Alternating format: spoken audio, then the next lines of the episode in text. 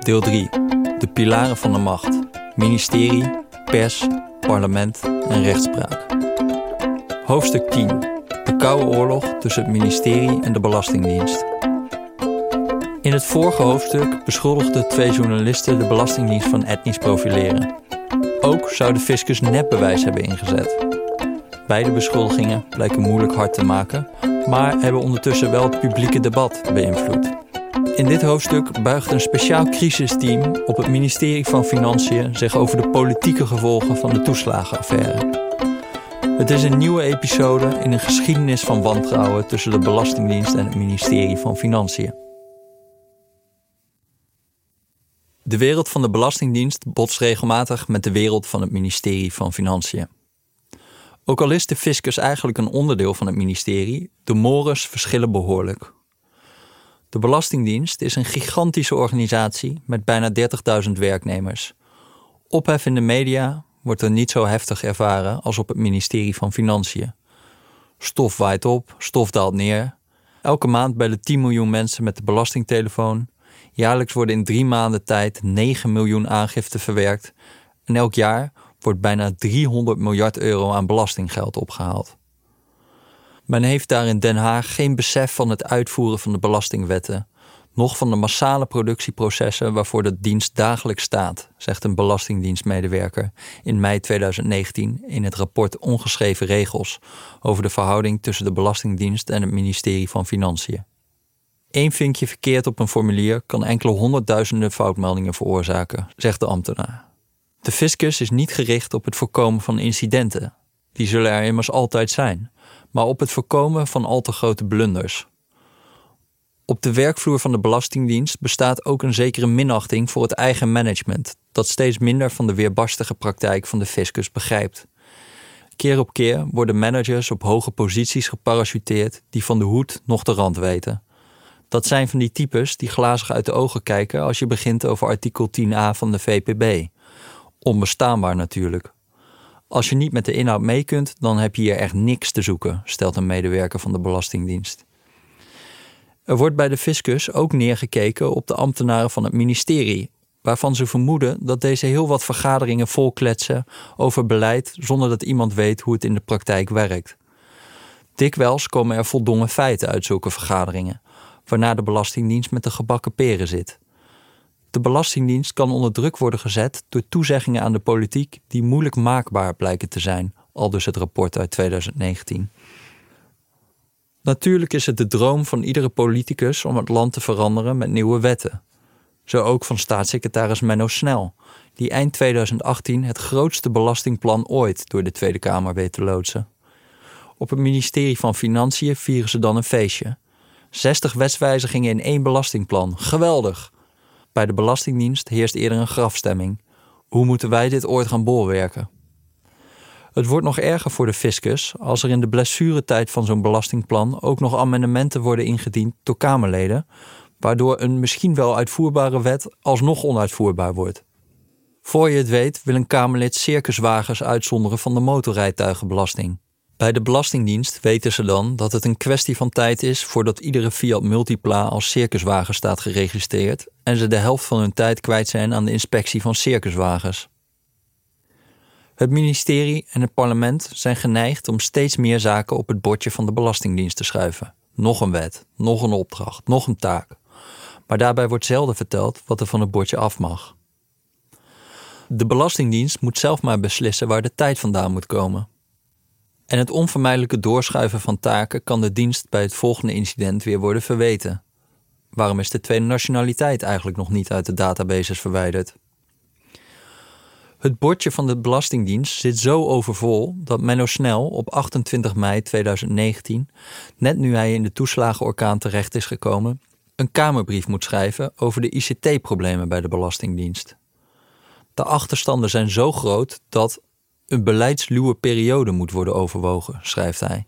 Vrijwel alle ICT-capaciteit is bezet. Ondertussen komt de ergernis ook van de andere kant. Waar de Belastingdienst zich beklaagt over onvoldoende uitvoeringssensitiviteit, bij het ministerie van Financiën. Daar beklaagt het ministerie zich over onvoldoende politieke sensitiviteit bij de Belastingdienst. De belangrijkste ongeschreven regel voor ambtenaren op het ministerie van Financiën luidt: bescherm je bewindspersoon.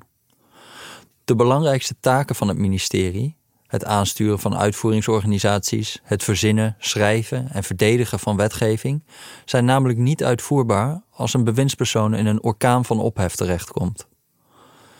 Voor je het weet ben je als ministerie alle controle kwijt. Dan lokken Kamervragen artikelen uit, worden debatten aangevraagd over die artikelen en halen die debatten weer de talkshows. De bewindspersoon raakt verwikkeld in een loopgravenoorlog met de Kamer, moet in het parlement opdraven om tijdens marathondebatten zijn vege lijf te redden, terwijl het in elk interview nog maar over één vraag gaat. Bent u van plan om op te stappen? Op het kerndepartement Financiën is de tolerantie voor fouten en incidenten dan ook nihil. Het kerndepartement bestaat uit de secretaris-generaal, de hoogste ambtenaar op het ministerie, en haar staf, het Directoraat-Generaal voor Fiscale Zaken, dat is de afdeling die de belastingwetten schrijft, en het Directoraat-Generaal Rijksbegroting, de afdeling die over de begroting van de overheid gaat, oftewel de machtigste afdeling van allemaal. Door de incidenten die zich hebben voorgedaan en doordat de Belastingdienst het kerndepartement niet altijd adequaat informeert, is er wantrouwen richting de Belastingdienst ontstaan, stelt het rapport Ongeschreven Regels over de samenwerking tussen de Belastingdienst en het kerndepartement.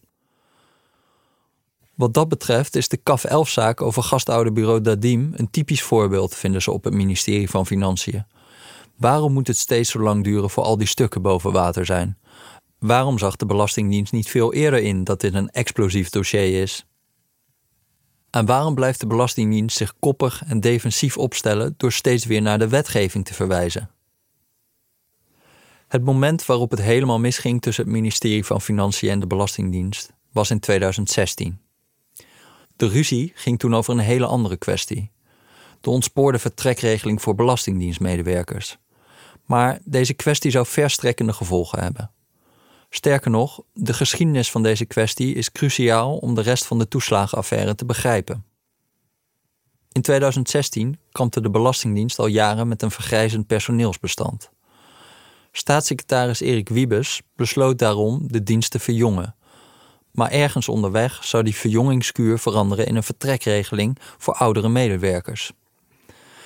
Een kleine club van topambtenaren bij de Belastingdienst, het zogenoemde driemanschap, directeur Sven Bredijk, algemeen directeur Hans Blokpoel en financieel directeur Ad van Luin werkten de details van de vertrekregeling uit. Hun grootste fout was niet eens dat die vertrekregeling nou zo riant was, zo zou de commissie onderzoek Belastingdienst laten schrijven. Er waren wel vaker vertrekregelingen opgesteld met vergelijkbare financiële voorwaarden. Het probleem was dat de regeling voor iedereen gold. Alle medewerkers van de Belastingdienst konden er gebruik van maken. Ineens vertrokken er duizenden medewerkers en verdween een enorme hoeveelheid kennis uit de organisatie. Het was Kamerlid Pieter Omzicht die deze onfortuinlijke kwestie wederom door herhaaldelijk doorvragen boven water kreeg. De kosten van de vertrekregeling bedroegen naar verwachting 718 miljoen euro, zo moest staatssecretaris Wiebes in oktober 2016 toegeven. Dat was 70 miljoen meer dan de 648 miljoen euro die ervoor was gereserveerd. Deze overschrijding kwam mede doordat de Belastingdienst een eindheffing van 179 miljoen euro had opgelegd aan, jawel, de Belastingdienst. Er bestond namelijk een wet die het voor werkgevers fiscaal onvoordelig maakte om ouderen vervroegd uit te laten treden. De zogenaamde Regeling Vervroegd Uittreden, RVU. De Belastingdienst oordeelde dat de vertrekregeling onder de RVU-heffing viel daar was geen rekening mee gehouden bij de begroting en dus moest de fiscus de fiscus betalen. Nog veel erger dan die financiële strop was het vertrek van zoveel kundige collega's. Sommige afdelingen zouden met zo weinig mensen komen te zitten dat er, zoals dat in ambtelijk jargon heet, continuïteitsrisico's ontstonden. Oftewel, de belastingheffing kwam in gevaar. Toen deze politieke bom ontplofte, legde Wiebes de oorzaak bij de Belastingdienst en zijn schimmige besluitvormingscultuur. De staatssecretaris had van niets geweten. Hij had voor Jonging geen vertrekregeling besteld. Het is duidelijk geworden dat bij de Belastingdienst een cultuur bestond om zaken die primair de Belastingdienst aangaan dicht bij zichzelf te houden, schreef de staatssecretaris in een brief van 4 oktober 2016 aan de Tweede Kamer. Vervolgens gaf Wiebes de opdracht tot een onderzoek naar de besluitvormingscultuur bij de Belastingdienst. In januari 2017 was het rapport van de Commissie Onderzoek Belastingdienst af. Het document schetste een beeld van een nogal informele cultuur bij de fiscus. Er werd weinig op papier gezet, waardoor het onduidelijk was wie, waarom, welk besluit nam. Staatssecretaris Erik Wiebes concludeerde dat er behoefte was aan meer politieke sturing. Er kwam een nieuwe topstructuur, waarin de autonomie van de fiscus werd beperkt en er sterkere aansturing kwam vanuit de secretaris-generaal op het ministerie. Die laatste kreeg ook extra personeel om de controle uit te oefenen. De secretaris-generaal regelt als hoogste ambtenaar de dagelijkse gang van zaken op een ministerie. De personeelszaken, de juridische zaken, de begrotingszaken en de stroom van stukken naar de minister en de staatssecretaris. Bij de Belastingdienst heerste het vermoeden dat hier sprake was van ongeschreven regel nummer 2 op het kerndepartement van het ministerie. Maak gebruik van incidenten. Al langere tijd heerste bij het kerndepartement frustratie over de autonome Belastingdienst. Het ministerie zou de veel te dure vertrekregeling hebben gebruikt als een stok om mee te slaan. Bij de fiscus werd er een heel andere geschiedenis van de vertrekregeling verteld. Ja, er was een informele cultuur en ja, er was geblunderd door de top. Maar de ambtenaren op het kerndepartement konden niet doen alsof ze van niets hadden geweten. Ze waren van tevoren wel degelijk ingelicht. Zelfs staatssecretaris Wiebes wist er wat van. Dus bij deze, de alternatieve geschiedenis van de vertrekregeling door de ogen van de Belastingdienst. Het begon allemaal met de constatering van de drie topambtenaren van de Belastingdienst dat er op de werkvloer een stevige moderniseringsslag nodig was. Door te investeren in digitalisering en automatisering zou de dienst stevig kunnen besparen op personeelskosten. Alleen voordat die banen konden verdwijnen, moest al die moderniteit wel eerst geïmplementeerd worden. En dat was geen sinecure, aangezien oudere belastingdienstmedewerkers helemaal niet zaten te wachten op de zoveelste ingrijpende verandering in de organisatie. Vandaar een vertrekregeling om de doorstroom te bespoedigen. Afscheid nemen van de oudere medewerkers om jongere medewerkers met affiniteit voor de nieuwe manier van werken te verwelkomen. Vervolgens zat er geen schot in de onderhandelingen met de vakbonden over een vertrekregeling. Er was iets daadkrachtigs nodig om deze impasse te doorbreken en trek in de schoorsteen te brengen. Op 11 november 2015 legden de onderhandelaars van de Belastingdienst bij de vakbonden het idee op tafel om de vertrekregeling voor iedereen open te stellen. Er zou niet van hoge hand worden besloten hoeveel mensen van welke afdeling mochten vertrekken. Nee, iedereen die zich meldde kon gaan. Een zeer verrassend en genereus cadeau, zou een vakbondsonderhandelaar daar later over zeggen. Op 19 november 2015 mailde een onderhandelaar van de Belastingdienst zijn collega's het volgende. Zojuist is met Hans Leitens, de toenmalige directeur-generaal Belastingdienst, en Sven Bredijk, directeur bij Directoraat-Generaal Belastingdienst, het resultaat van het gesprek met de bonden gisteren doorgenomen. In de mail volgde een checklist waarop als laatste punt prijkte: Hans en Sven praten de staatssecretaris bij. De volgende dag lag een uitgewerkt voorstel klaar. Voordat het naar de vakbonden kon, moest er een paraaf van Hans Leiters komen. De baas van de Belastingdienst wachtte echter nog op een akkoord van de staatssecretaris, zo blijkt uit het mailverkeer binnen de Belastingdienst. Op 20 november 2015, om 17.12 uur, mailde Sven Bredijk naar Hans Leiters.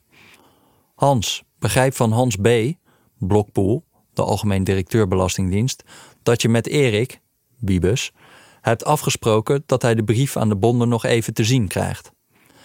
Bijgevoegd is de versie die onderhands en onder voorbehoud naar de bonden gaat. Erik is niet meer in huis, dus moet even via de mail. Wil je zelf met hem kort sluiten? Groeten Sven. Een kwartier later kwam bericht terug van Hans Leiters. Sven, Hans.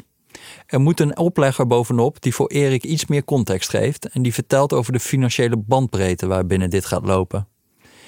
Erik verwacht een en ander pas maandag en kan dit maandag ook processen. Goed, Hans. Sven mailde vijf minuten later terug. Maandag impactanalyse kan uiteraard, maar wat betekent dat voor de timingbrief? Kan die wel uit? Sven Bredijk bedoelde de brief die naar de vakbonden moest. Kon die wel verstuurd worden als Erik Wiebes nog geen akkoord had gegeven? Brief kan uit met voorbehoud, schreef Hans Leiters terug. Het voorbehoud was dat er nog geen handtekening van Leiters zelf onder de brief stond en dat een definitief voorstel pas die maandag de deur uit kon. Op maandag 23 november 2015 vond er een één op één gesprek plaats tussen Sven Bredijk en staatssecretaris Erik Wiebes. Bredijk had een memo meegenomen waarover het hele weekend driftig heen en weer was gemaild binnen de Belastingdienst en waarin enkele financiële consequenties en risico's van de vertrekregeling stonden vermeld. Het memo zou de geschiedenis ingaan als het memo voor onder de arm. Bredijk zou het memo uiteindelijk niet meegeven aan Wiebes, maar legde de grote lijnen in een kwartiertje aan de staatssecretaris uit. In de Tweede Kamer zal Wiebes later zeggen dat hij zich niet kan herinneren dat het memo in dit gesprek is besproken. Bredijk zal op zijn beurt aan de commissie Onderzoek Belastingdienst vertellen dat de hoofdlijnen van de vertrekregeling, zoals die er op dat moment lag, wel waren doorgesproken, maar niet in alarmerende zin. De commissie zal concluderen de commissie heeft niet kunnen achterhalen welke rol dit memo in de afstemming met de staatssecretaris heeft gespeeld en of de strekking ervan is besproken en op haar consequenties geanalyseerd. Op 23 november 2015 verscheen in het vergaderverslag van de Raad van Bestuur van de Belastingdienst een ingelast agendapunt. Met de STAS, de staatssecretaris, is over het voorgenomen VWMW-beleid, de vertrekregeling, gesproken. Aan de hand van een voorbereidend memo is er gesproken over onze verwachting van de groep die hier gebruik van gaat maken. De brief aan de bonden gaat er die dag uit. Maar daarmee was de vertrekregeling nog niet definitief. Het was immers slechts een voorstel waarvan de details nog moesten worden uitonderhandeld. Op 6 december 2015 vond de laatste onderhandelingsronde plaats met de vakbonden.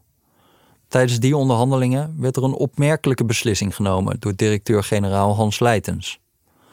Leitens was op een rijdende trein gesprongen. Hij werkte op dat moment pas een maand bij de Belastingdienst en mocht gelijk deze ingewikkelde klus klaren. Toen de vakbonden moeilijk begonnen te doen over enkele openstaande punten, besloot hij in de blessuretijd nog een concessie te doen om tot overeenstemming te komen.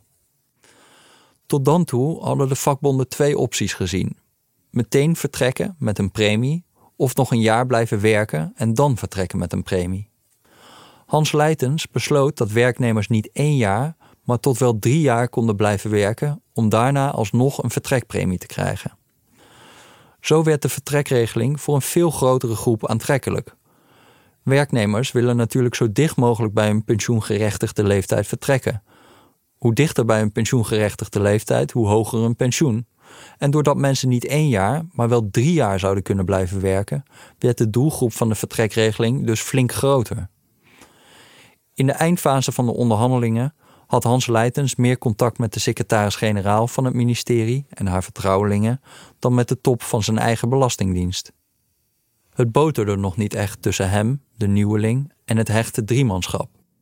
De drie topambtenaren van de Belastingdienst hoorden pas tijdens de vergadering van het MT Belastingdienst op 7 december over de opmerkelijke concessie van hun directeur-generaal aan de vakbonden. Het vergaderverslag van die dag vermeldt. Er wordt nu over onderhandeld over de wijze waarop communicatie zal plaatsvinden. Er kijken meer mensen mee met het definitieve stuk. Hans Leitens informeert de STAS, de staatssecretaris, de SG, de secretaris-generaal, en BZK, het ministerie van Binnenlandse Zaken, over de versie die nu voor ligt. Op 14 december werden de afspraken met de vakbonden definitief. Kon de staatssecretaris echt volhouden dat hij van niets had gehoord? Kon hij met droge ogen blijven beweren dat het allemaal lag aan de schimmige besluitvormingscultuur bij de Belastingdienst? Tijdens de Eerste Kamerdebatten over de vertrekregeling groef Wiebes zich verder in. Wij hebben begrepen dat er interne waarschuwingen zijn geweest, zei Pieter Omzicht tijdens het debat van 2 november 2016. Wat is daarmee gebeurd? Wiebes antwoordde: Ik heb alle stukken uit Digidoc, de hele formele stukkenstroom, blootgelegd en daarin tref ik geen waarschuwingen aan. Uit het rapport van de Commissie Onderzoek Belastingdienst zou twee maanden later blijken dat er wel interne waarschuwingen waren geweest. In het memo voor onder de arm, dat Sven Bredijk met Wiebes had doorgenomen, stonden ze duidelijk beschreven. Ook de vergaderverslagen van de Raad van Bestuur van de Belastingdienst bevatten waarschuwingen over de risico's. De Kamer was verbolgen. Waren ze weer onjuist geïnformeerd? Er was toch duidelijk gevraagd of er interne waarschuwingen waren geweest? En waarom waren die stukken nog steeds niet openbaar gemaakt? Wiebes wees er fijntjes op dat hij het in zijn antwoord over formele stukken had gehad en niet over informele stukken. Het memo voor onder de arm was hem nooit formeel aangeboden. De vergaderverslagen van de Raad van Bestuur van de Belastingdienst waren nooit formeel vastgesteld. Na de hand hadden de aanwezigen nooit een krabbel onder de notulen gezet en daarmee waren dit informele stukken. Punt uit. In de vergaderverslagen van de Raad van Bestuur staat onder andere dat de secretaris-generaal instemde met de risico's van een RVU-heffing. Het voorstel dat nu op tafel ligt geeft risico op een eindheffing. Een belastingheffing vanwege vervroegd uittreden staat in het vergaderverslag van 16 november 2015. Dit is door Ad, Sven en Hans Blokpoel met secretaris-generaal Manon Leijten besproken. Zij heeft aangegeven dat de Belastingdienst de ruimte moet nemen om de organisatie te vernieuwen. In de maanden na de weigering van Wiebes om de informele stukken vrij te geven, groeide het wantrouwen in de Kamer. Tijdens het Kamerdebat op 2 februari 2017 begon Omtzigt met een punt van orde. Hij wilde de vergaderverslagen met de waarschuwingen inzien en wel nu. Als die stukken nu als informeel bestempeld worden, bestaat er bij de hele Belastingdienst geen enkel formeel stuk meer en kunnen wij dus ook geen enkel stuk meer opvragen, zei hij.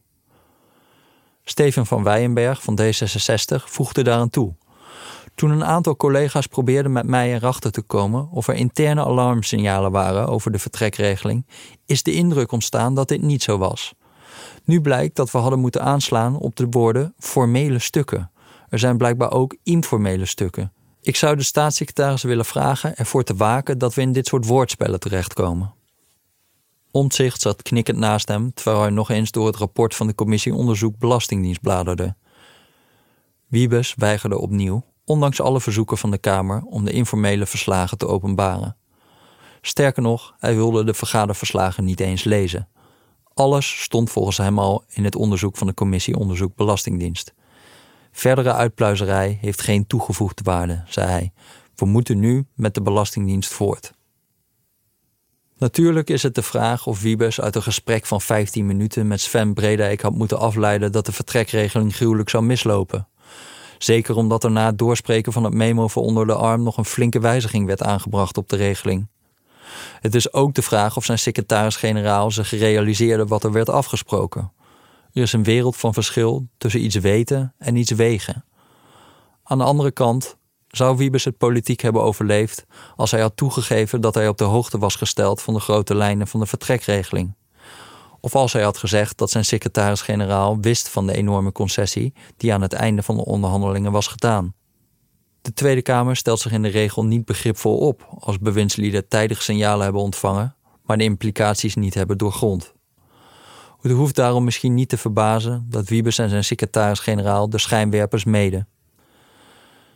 Wiebes overleeft de storm en een maand na het debat zijn er verkiezingen die alle aandacht opslokken. Ondertussen heeft de vertrekregeling de sfeer tussen de Belastingdienst en het ministerie van Financiën behoorlijk verziekt. En in het bijzonder die tussen de Belastingdienst en de secretaris-generaal en haar medewerkers. Als de toeslagenaffaire begin 2019 losbarst, werken er bij de fiscus en het ministerie nog steeds mensen die de strijd over de vertrekregeling hebben meegemaakt. En nog veel meer nieuwe medewerkers hebben er via de overlevering van gehoord. Deze nalatenschap zal zich onder meer uiten in een nieuwe ongeschreven regel bij de Belastingdienst. Leg alles, maar dan ook alles vast. Als directeur-generaal Hans Leitens vanwege het drama van de vertrekregeling moet vertrekken, zal zijn opvolger Jaap Uilenbroek onmiddellijk aankondigen de ambtelijke hygiëne op een hoger peil te brengen. De informele cultuur moet verdwijnen, vindt hij. Vertrouwen is goed, controle is beter. Wat niet zwart op wit staat, bestaat niet. Een herhaling van het debakel met de vertrekregeling, toen tal van betrokkenen op het ministerie ineens aan de acute vergeetachtigheid leden, moet kosten wat kost worden voorkomen. De vertrekregeling zou ook grote implicaties hebben voor de verhouding tussen de Belastingdienst en een andere afdeling van het ministerie, het Directoraat-Generaal Rijksbegroting.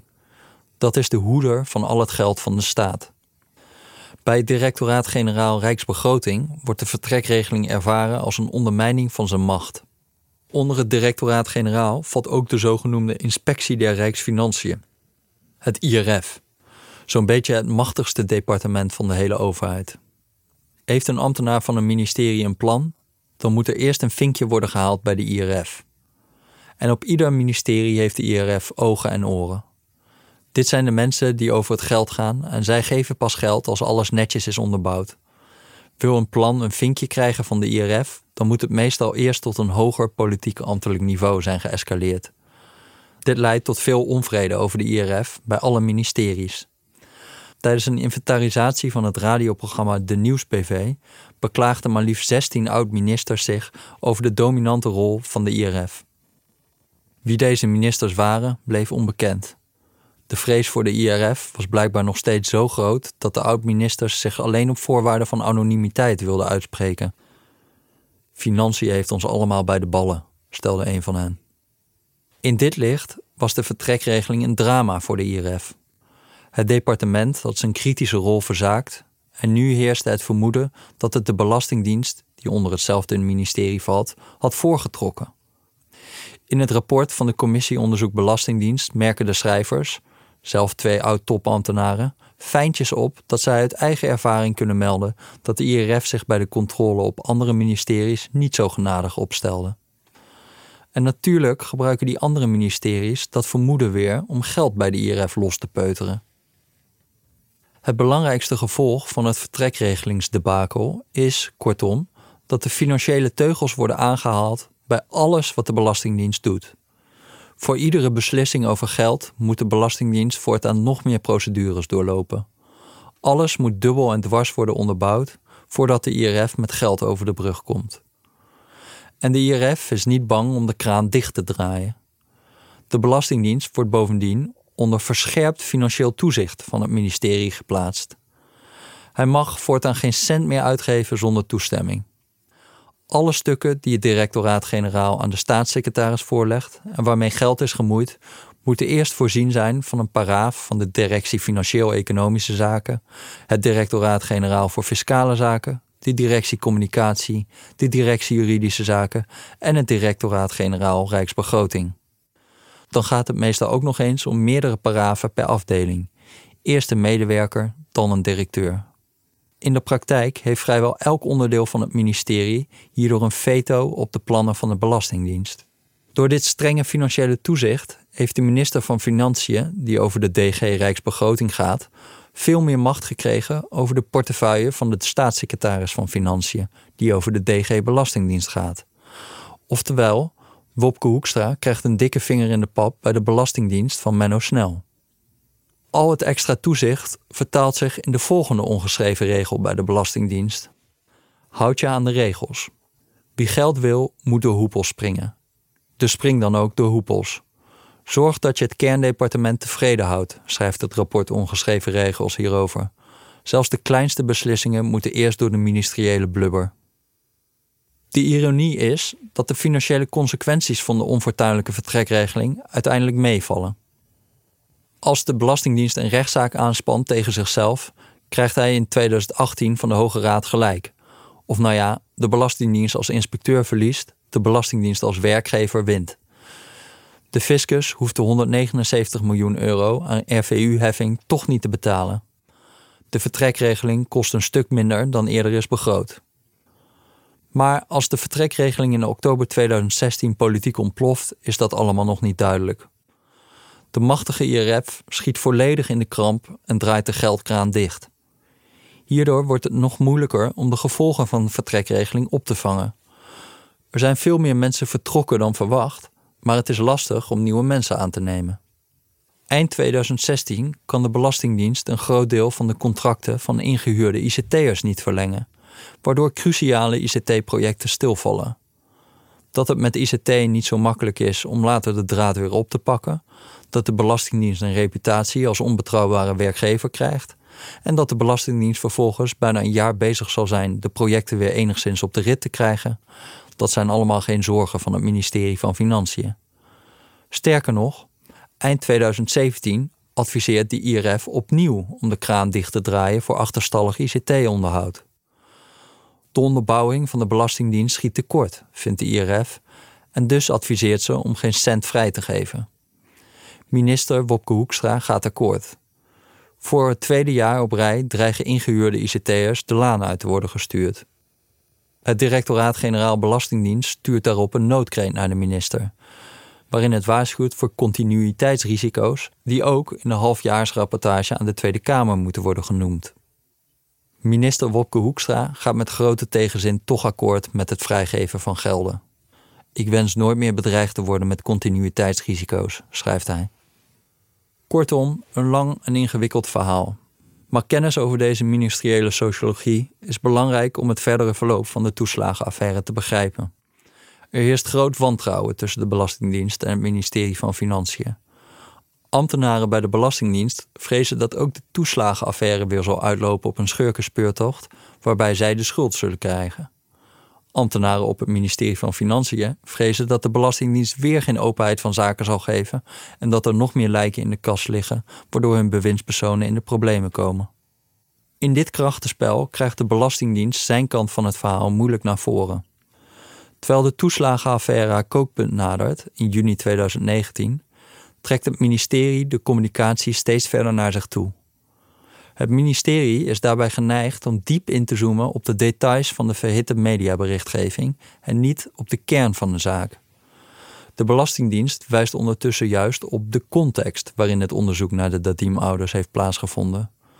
Als er sprake was van tunnelvisie bij de Belastingdienst, werd hij die tunnel dan niet ingeduwd door de Tweede Kamer, door het ministerie van Financiën en door het ministerie van Sociale Zaken en Werkgelegenheid.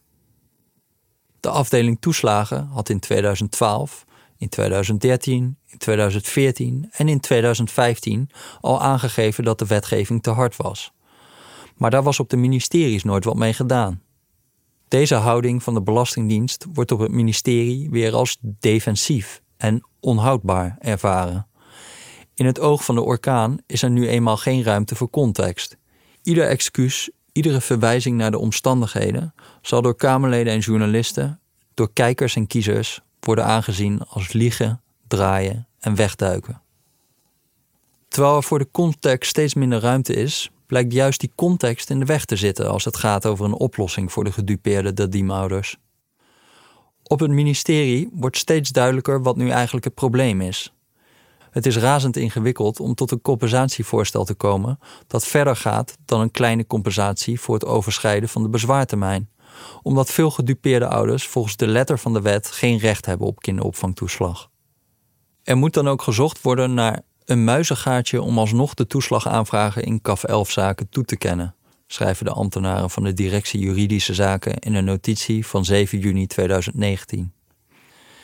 In de vele nota's en memo's die op het bureau van staatssecretaris Menno Snel belanden, valt steeds vaker het woord precedentwerking. Hoe baken je een tegemoetkoming aan de Dadim-ouders af?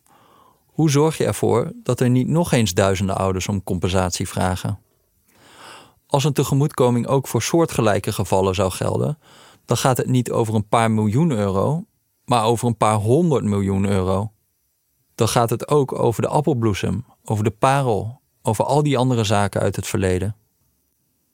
Snels ambtenaren werken met man en macht aan een juridisch gekunsteld plan waarbij compensatie wordt geboden met zogenaamde individuele vaststellingsovereenkomsten.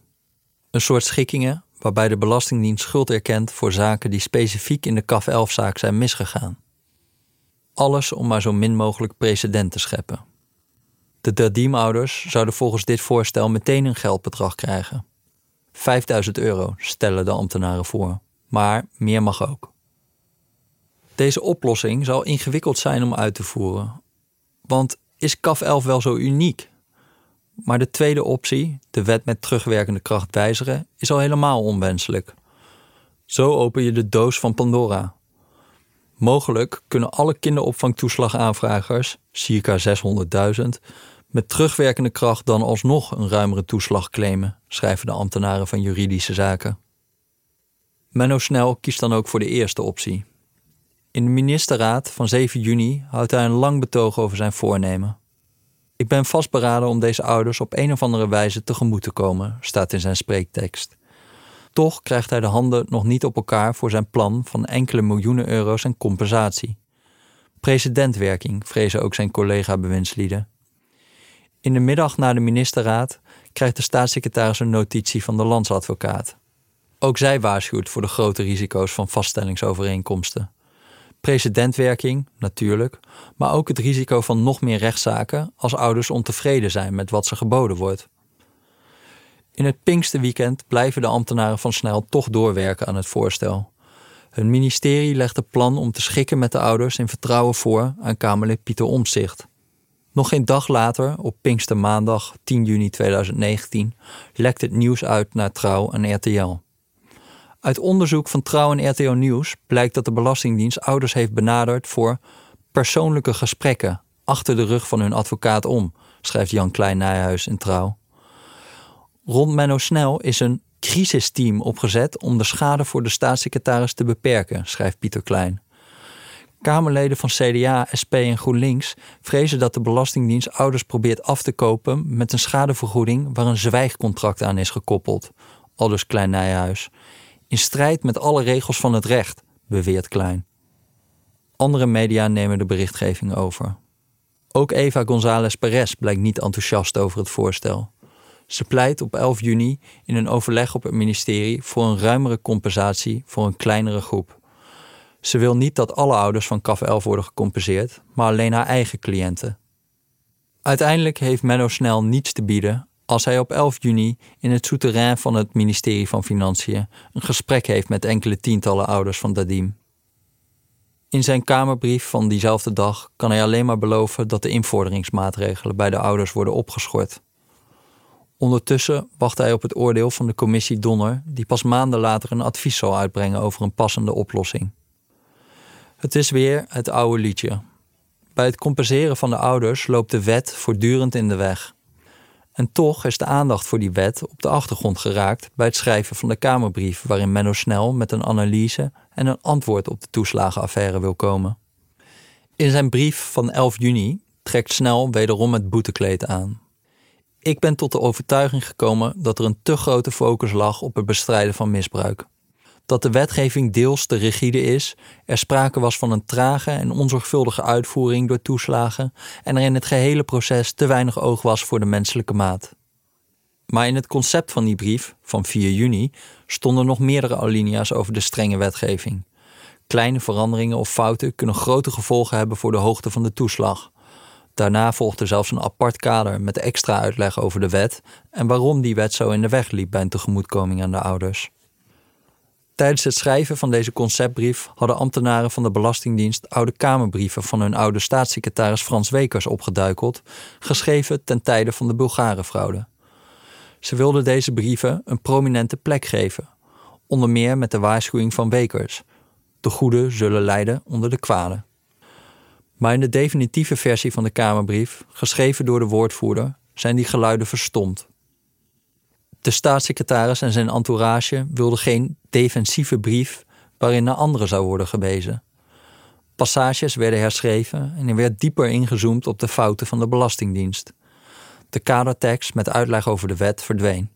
En hoewel enkele medewerkers van de Belastingdienst nog wel meeschreven en informatie aanleverden, had de fiscus steeds minder over de brief te zeggen. Staatssecretaris Snel had immers besloten tot de instelling van een crisisteam waarbij het kerndepartement de leiding kreeg.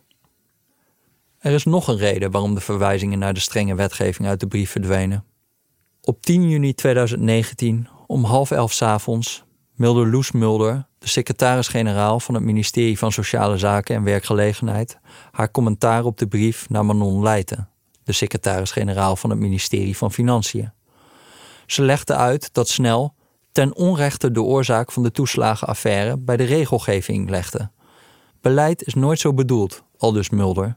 Ze stelde voor de tekst aan te passen.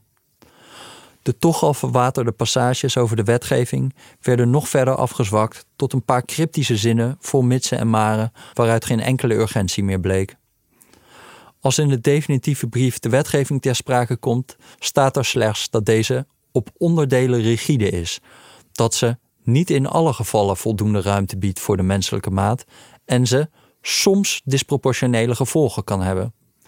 Dat is een nogal milde beschrijving van een wet die voorschrijft om 18.000 euro terug te vorderen bij een betalingsgebrek van 190 euro. Loes Mulder heeft overigens ook nog een opmerking over de eventuele compensatie aan ouders. Ten aanzien van de tegemoetkoming van de ouders gaan we ervan uit dat financiën dit zelf dekt. Waar de Belastingdienst al voor vreesde, gebeurt. De Kamer zal vanaf dit moment alleen nog maar verder inzoomen op de details. Van de 90 vragen die Kamerleden indienen over de brief, gaat er slechts eentje over de wetgeving. Op welke punten is de wetgeving te rigide? Toch plant staatssecretaris Snel wel een zaadje in de media. Hij zegt dat hij in overleg zal treden met het ministerie van Sociale Zaken en Werkgelegenheid om de wet te wijzigen. Er is een nieuw boek nodig, zegt hij op 11 juni 2019 tijdens een persconferentie. Het huidige werkt niet. De menselijke maat is uit het oog verloren. De Telegraaf kopt die middag. Bewindsman. Wettoeslagen op de schop. Tamara van Ark, staatssecretaris van Sociale Zaken, belt later die dag naar Menno Snel. Ze vindt dat hij zijn boekje te buiten is gegaan door zo nadrukkelijk op de wetgeving te wijzen. Ze was eerder die dag geappt door Maaike van Tel, directeur kinderopvang van Sociale Zaken. Ik voel me collegiaal belazerd door onze vrienden van Financiën, had Van Tel haar staatssecretaris geschreven. De Kamerbrief had de oorzaak immers bij de Belastingdienst gelegd en nu poogde de staatssecretaris in de media de fouten van de uitvoering bij de wetgeving te leggen. Dat was niet volgens afspraak. Morgen zou u en marge van de ministerraad spreken met Van Ark, schrijven de ambtenaren van Menno Snel op 13 juni 2019 in een nota. Van Ark zou u aanspreken over het feit dat het mediabeeld dat is ontstaan, toeslagwetgeving op de schop, niet overeenstemt met de brief. Ook de ambtenaren op het ministerie van Financiën zijn die dag al aan hun jasje getrokken door een collega van Sociale Zaken. Wij hebben aangegeven dat ambtelijk het beeld bestaat dat de tekst van de Kamerbrief leidend is, schrijven de ambtenaren van Financiën. We hebben het mediabeeld genuanceerd. Want ja, niet alleen bij het ministerie van Financiën luidt de eerste ongeschreven regel: bescherm uw bewindspersoon. Bij sociale zaken en werkgelegenheid, waar de wet op de kinderopvang eigenlijk onder valt, bestaat ook de vrees dat deze veenbrand overslaat naar het eigen ministerie.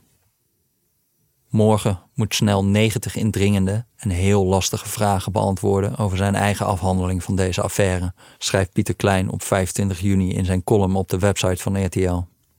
Ik krijg signalen dat er overuren worden gedraaid en dat er paniek is. Dat het team snel zijn tanden stuk bijt op ingewikkelde, ontwijkende, vage en nietszeggende antwoorden. Omdat de feiten onaangenaam zijn. Zo onaangenaam en pijnlijk dat je ze misschien alleen boven tafel krijgt als je de Rijksrecherche erop afstuurt. Klein kijkt uit naar het komende Kamerdebat dat op de planning staat voor 4 juli, de laatste dag voor het zomerreces. Of Menno snel dit gaat overleven, weet ik niet. Misschien als hij op zijn knieën naar de kamer kruipt, om vertrouwen smeekt en belooft dat hij alsnog regelt wat hij al jaren had moeten doen.